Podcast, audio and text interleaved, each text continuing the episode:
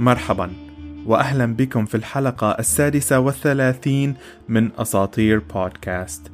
أنا عادل وأسطورتنا اليوم قادمة من الولايات المتحدة الأمريكية من قوم الشيروكي السكان الأصليين لجنوب غرب ولاية شمال كارولاينا وجنوب شرق تينيسي وجنوب كارولاينا وشمال جورجيا وآلاباما. يمتلك شعب الشيروكي لغتهم الخاصة وتسمى الشيروكي أو التسالاجي هذه اللغة مستخدمة إلى يومنا هذا ومدونة وموثقة بعدة مصادر. يوجد جريدة تدعى تسالاجي تسولي هي سيانوي أو العنقاء الشيروكي. وتعد أول جريدة يصدرها هذا الشعب بلغتهم. موقعهم على الإنترنت كان باللغة الإنجليزية ولكن يوجد صور لمقالات مطبوعة بلغة التسالاجي هذا الشعب كباقي شعوب أمريكا الشمالية لهم علاقة وطيدة بالطبيعة وكانوا فلاحين ومزارعين ماهرين. ومن أشهر المحاصيل التي زرعوها كانت الذرة والبقوليات واليقطين. وعلاوة على ذلك أجادوا الصيد في البر والبحر. حادثة درب الدموع تعتبر نقطة انعطاف في تاريخ هذا الشعب. فحكومة الولايات المتحدة الأمريكية قامت بإصدار قانون إزالة الهنود عام 1830 وبذلك قامت بعمليات الإزالة الجبرية للقبائل الخمس المتحضرة. المسكوغي والسيمينول والتشيكسا والتشوكتاو والشيروكي من خلال هذا القانون أجبر 17 آلاف شخص على السفر 1200 ميل تقريبا المسافة من طرابلس في ليبيا إلى القاهرة بخط مستقيم. مات خلال هذه الرحلة أو بسببها أربعة آلاف شخص. قبل إصدار قانون إزالة الهنود كانت هذه القبائل تعيش منفردة ومنعزلة. حيث أنها كانت تحكم نفسها بنفسها خارج سلطة حكومة الولايات المتحدة.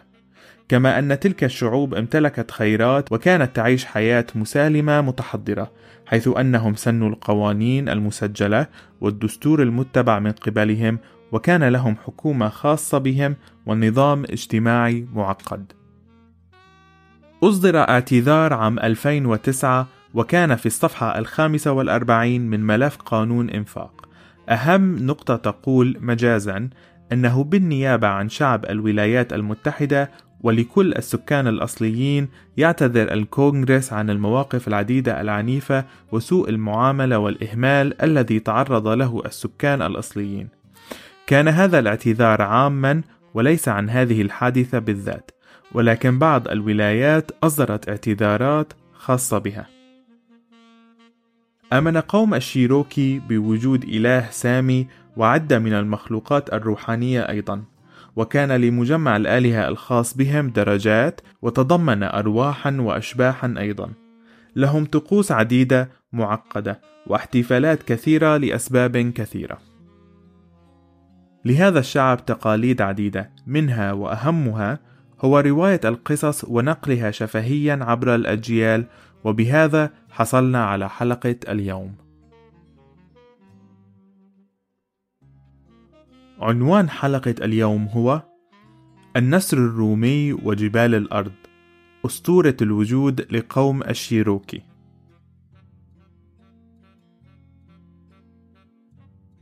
رواية اليوم قادمة من الراوية جيل روس من شعب الشيروكي. جيل هي راوية مشهورة وألقت هذه القصة في متحف تاريخ الأمريكيين الأصليين في بنتوفيل في أركنسا تقول الأسطورة أنه في البداية لم يكن هنالك شيء في عالمنا سوى الماء، لكن هذا العالم لم يكن العالم الوحيد في الوجود، كان هنالك عالمان أخريان، العالم الأعلى والعالم الأسفل، وكانا هذان العالمان مخصصان للأرواح وللحيوانات ولم يكن للبشر وجود بعد. كانت الحيوانات في العالم الأعلى متجمعة في ازدحام شديد، وعندما لاحظ الإله السامي هذا أخبر الكائنات أنه سيقوم بإيجاد عالم أوسط بين العالمين لكنه لم يخبرهم كيف أو متى كان العالم الأعلى في انسجام تام وكان متكاملا بكل ما فيه أما العالم السفلي فكان مليئا بالفوضى والشغب ولم يكن فيه استقرار. بسبب الازدحام الشديد أرادت الحيوانات أن تنتقل للعيش في العالم الأوسط لكن من موقعهم في السماء لم يروا أي شيء سوى المياه ولم يكن الإله الأسمى ليعطيهم أي معلومات.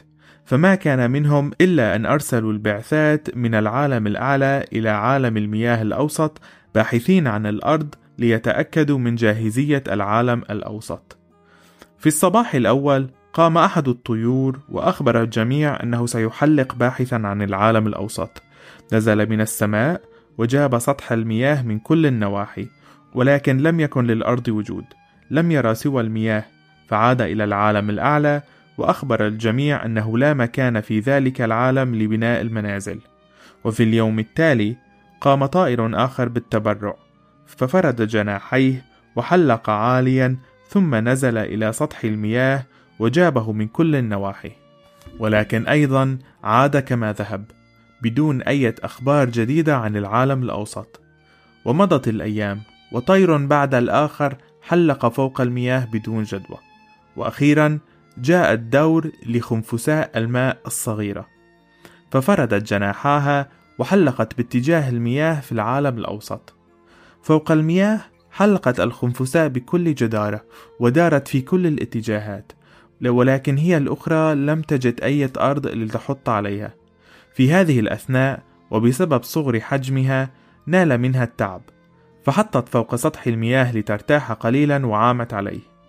في استرخائها خطر على بالها سؤال ماذا يوجد تحت سطح الماء؟ ما الذي يقبع في القاع؟ لم تترك السؤال في بالها لفترة طويلة، فجمعت كل قواها وغطست. سبحت باتجاه القاع إلى أن وصلت إليه، وهناك رأت الطين من حولها في كل الاتجاهات. انحنت وجمعت بعضا من الطين بين يداها الصغيرتان، ثم سبحت باتجاه السطح إلى أن وصلت إليه. أفلتت الطين ليطفو على السطح، وفور ملامستها الهواء تمددت حفنة الطين وكأنها كانت تتنفس الهواء الصافي للمرة الأولى. كبر الطين وتوسع وتمدد إلى أن أصبح الأرض الواسعة، أرض الشيروكي. بينما كانت الأرض تتوسع، تفحصتها الخنفساء، فلاحظت على الفور أنها طرية ولزجة، ولا يمكن لأية حيوان أن يمشي عليها أو أن يعيش فيها. عادت الخنفساء إلى العالم الأعلى وأخبرت الجميع بما حصل. فرحت الحيوانات فالآن كان هنالك بصيص أمل.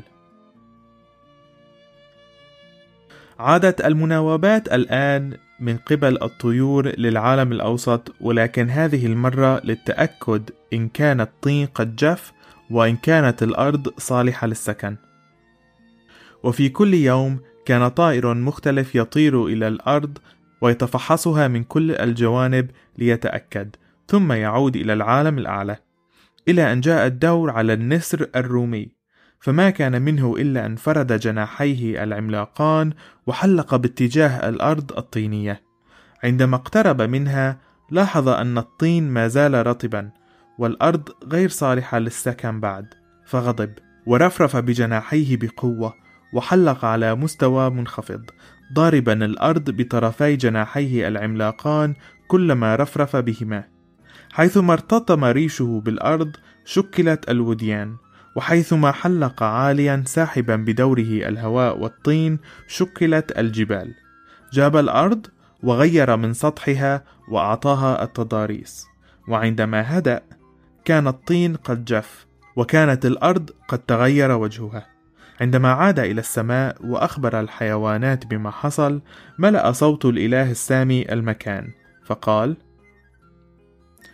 لقد علقت العالم الأوسط من زوايا السماء الأربعة بواسطة أربع حبال فضية فأمشوا على الأرض بتوازن وعيشوا عليها بتوازن وإن لم تفعلوا فستنقطع الحبال الفضية وستغرق الأرض وتعود إلى موطنها في قاع البحار.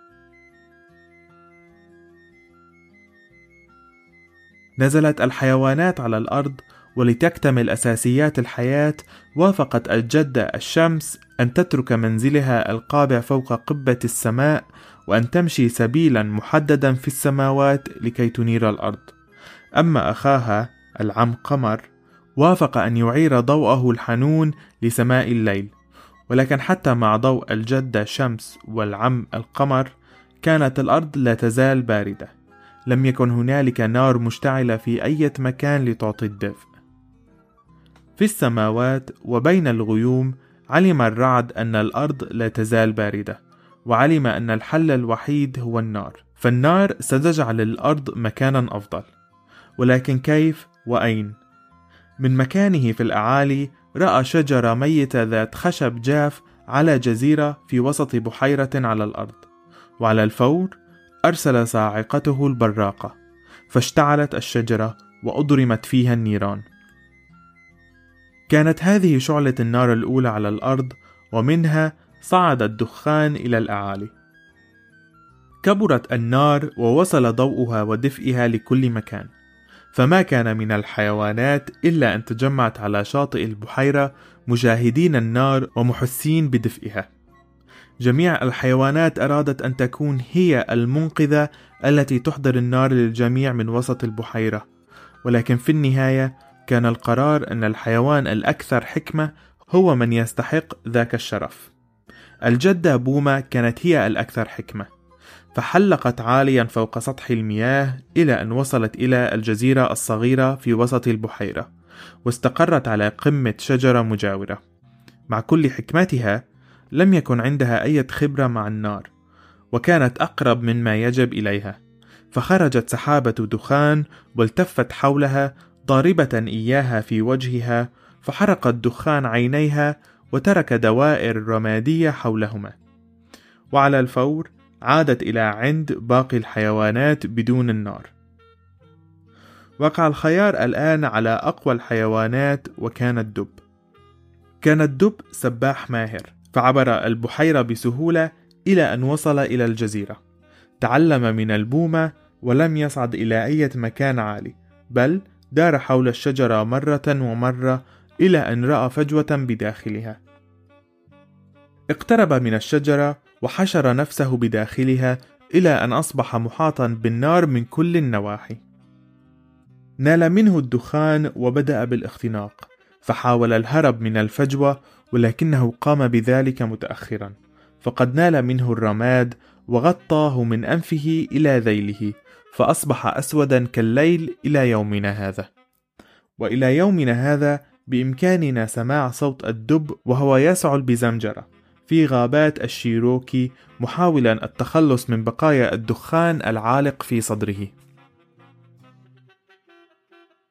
حاولت مخلوقات عدة وكلهم فشلوا إلى أن جاء الدور على عنكبوتة المياه الصغيرة. تقدمت ورفعت صوتها الصغير عندما هدأ الحشد. عندما انتبهت الحيوانات لها ضحكوا كثيرا فكيف لها أن تنجح وهي بهذا الحجم الصغير؟ ولكنها كانت مصرة أن لها الحق بالتجربة. فوافقت الحيوانات لها أن تجرب. تقدمت نحو المياه ووضعت أقدامها الصغيرة على السطح وبدأت بالعوم والمشي على السطح كأنها ترقص. كان حجمها الصغير مساعدا لها. عندما وصلت إلى عند النار لم تقم على العمل بعجل بل أخذت وقتها. بدأت أولا باستخدام خيطانها الحريرية لصناعة صحن صغير مكور. عندما انتهت قامت باستخدام الطين وبطنت داخل الصحن. ثم أخذت المزيد من خيطانها وربطت الصحن على ظهرها ثم اقتربت من النار وحملت جمرة صغيرة ووضعتها في الصحن عندما عادت إلى سطح المياه بدأت بالرقص على سطح البحيرة عائمة في طريقها إلى باقي الحيوانات. ومن تلك الفحمة المشتعلة تقول الأسطورة أن النيران السبعة المقدسة أشعلت لقوم الشيروكي. وفي طريقها على سطح البحيرة قامت حرارة الجمرة بخبز الطين الذي استخدمته العنكبوتة لتبطين الصحن، وبذلك تعلمت نساء قوم الشيروكي صناعة الفخار من عنكبوت الماء. أخذت وقتها في العوم، وبذلك الوقت ترك الصحن علامة مدورة على ظهرها. عندما وصلت إلى البر فرحت بعلامتها وارتدتها كوسام شرف على مساعدتها لكل الحيوانات. وعندما نرى العنكبوت وعلى ظهرها تلك العلامة علينا أن نتذكر أن المساعدة لم تأتي من أحكم المخلوقات أو أقواها أو أشجعها أو أسرعها أو أكبرها إنما أتت من أصغرها وأضعفها وأطيبها من الحيوانات. في هذه الأسطورة الكثير من العبر أهمها هو كيف أن الخنفساء والعنكبوت هم المسؤولون عن إظهار الأرض وإيصال النار. وبهذا يؤكد شعب الشيروكي أهمية كل شيء على هذه الأرض مهما كان صغيرا أو كبيرا. أحببت في هذه الرواية كيف أن اللقب التي حصلت عليه الشمس والقمر والحيوانات هو وجدتي وعمي وجدي وهكذا. هذا الاستخدام مرتبط بنظرة هذه الشعوب لموقعهم بين تلك الحيوانات. في نهاية الرواية تقول جيل أن الحيوانات هم إخوتنا وأخواتنا، وعلى ذلك ينظر الشيروكي للحياة والمخلوقات كعائلة واحدة. في هذه الأسطورة أيضا أساس لتصور الشيروكي للأرض، فكما وصفت الأرض كانت حفنة تراب متمددة على الماء، وهم أيضا ظنوا أن أرضهم ما هي إلا جزيرة عائمة على سطح البحر. في رواية أخرى ذكر أن الحبال الأربعة التي تحمل الأرض ستنقطع يوما ما، عندما تصبح الأرض قديمة وطاعنة بالعمر. عندها سترتفع المياه لتغمر الأرض وتسحبها إلى القاع، وبذلك تكون قد انتهت كل أشكال الحياة على اليابسة. كان الشيروكي يخافون من هذا الشيء. في هذه الأسطورة ذكر أن الإله السامي طلب من المخلوقات أن تعيش بتوازن وبذلك بإمكاننا استنتاج أن فكرة الفضيلة عندهم هي العيش بتوازن. الجزء المفضل عندي هو تفسير الظواهر الطبيعية مثل الحلقات على ريش ألبومة ولون الدب الأسود والعلامات على جسد العنكبوت وتضاريس أرض الشيروكي الجميلة مجددا التفكر في سبب هذه الأساطير يرينا كيف أنها استخدمت لتعليل الوجود وما فيه وليس فقط للتسلية أتساءل في نفسي دائما عن نظرة تلك الشعوب للحياة من حولهم فمثلا عندما رأى شعوب الشيروكي أن الدب كان أسود هل تذكروا دائما لماذا لون الدب أسود أم لا؟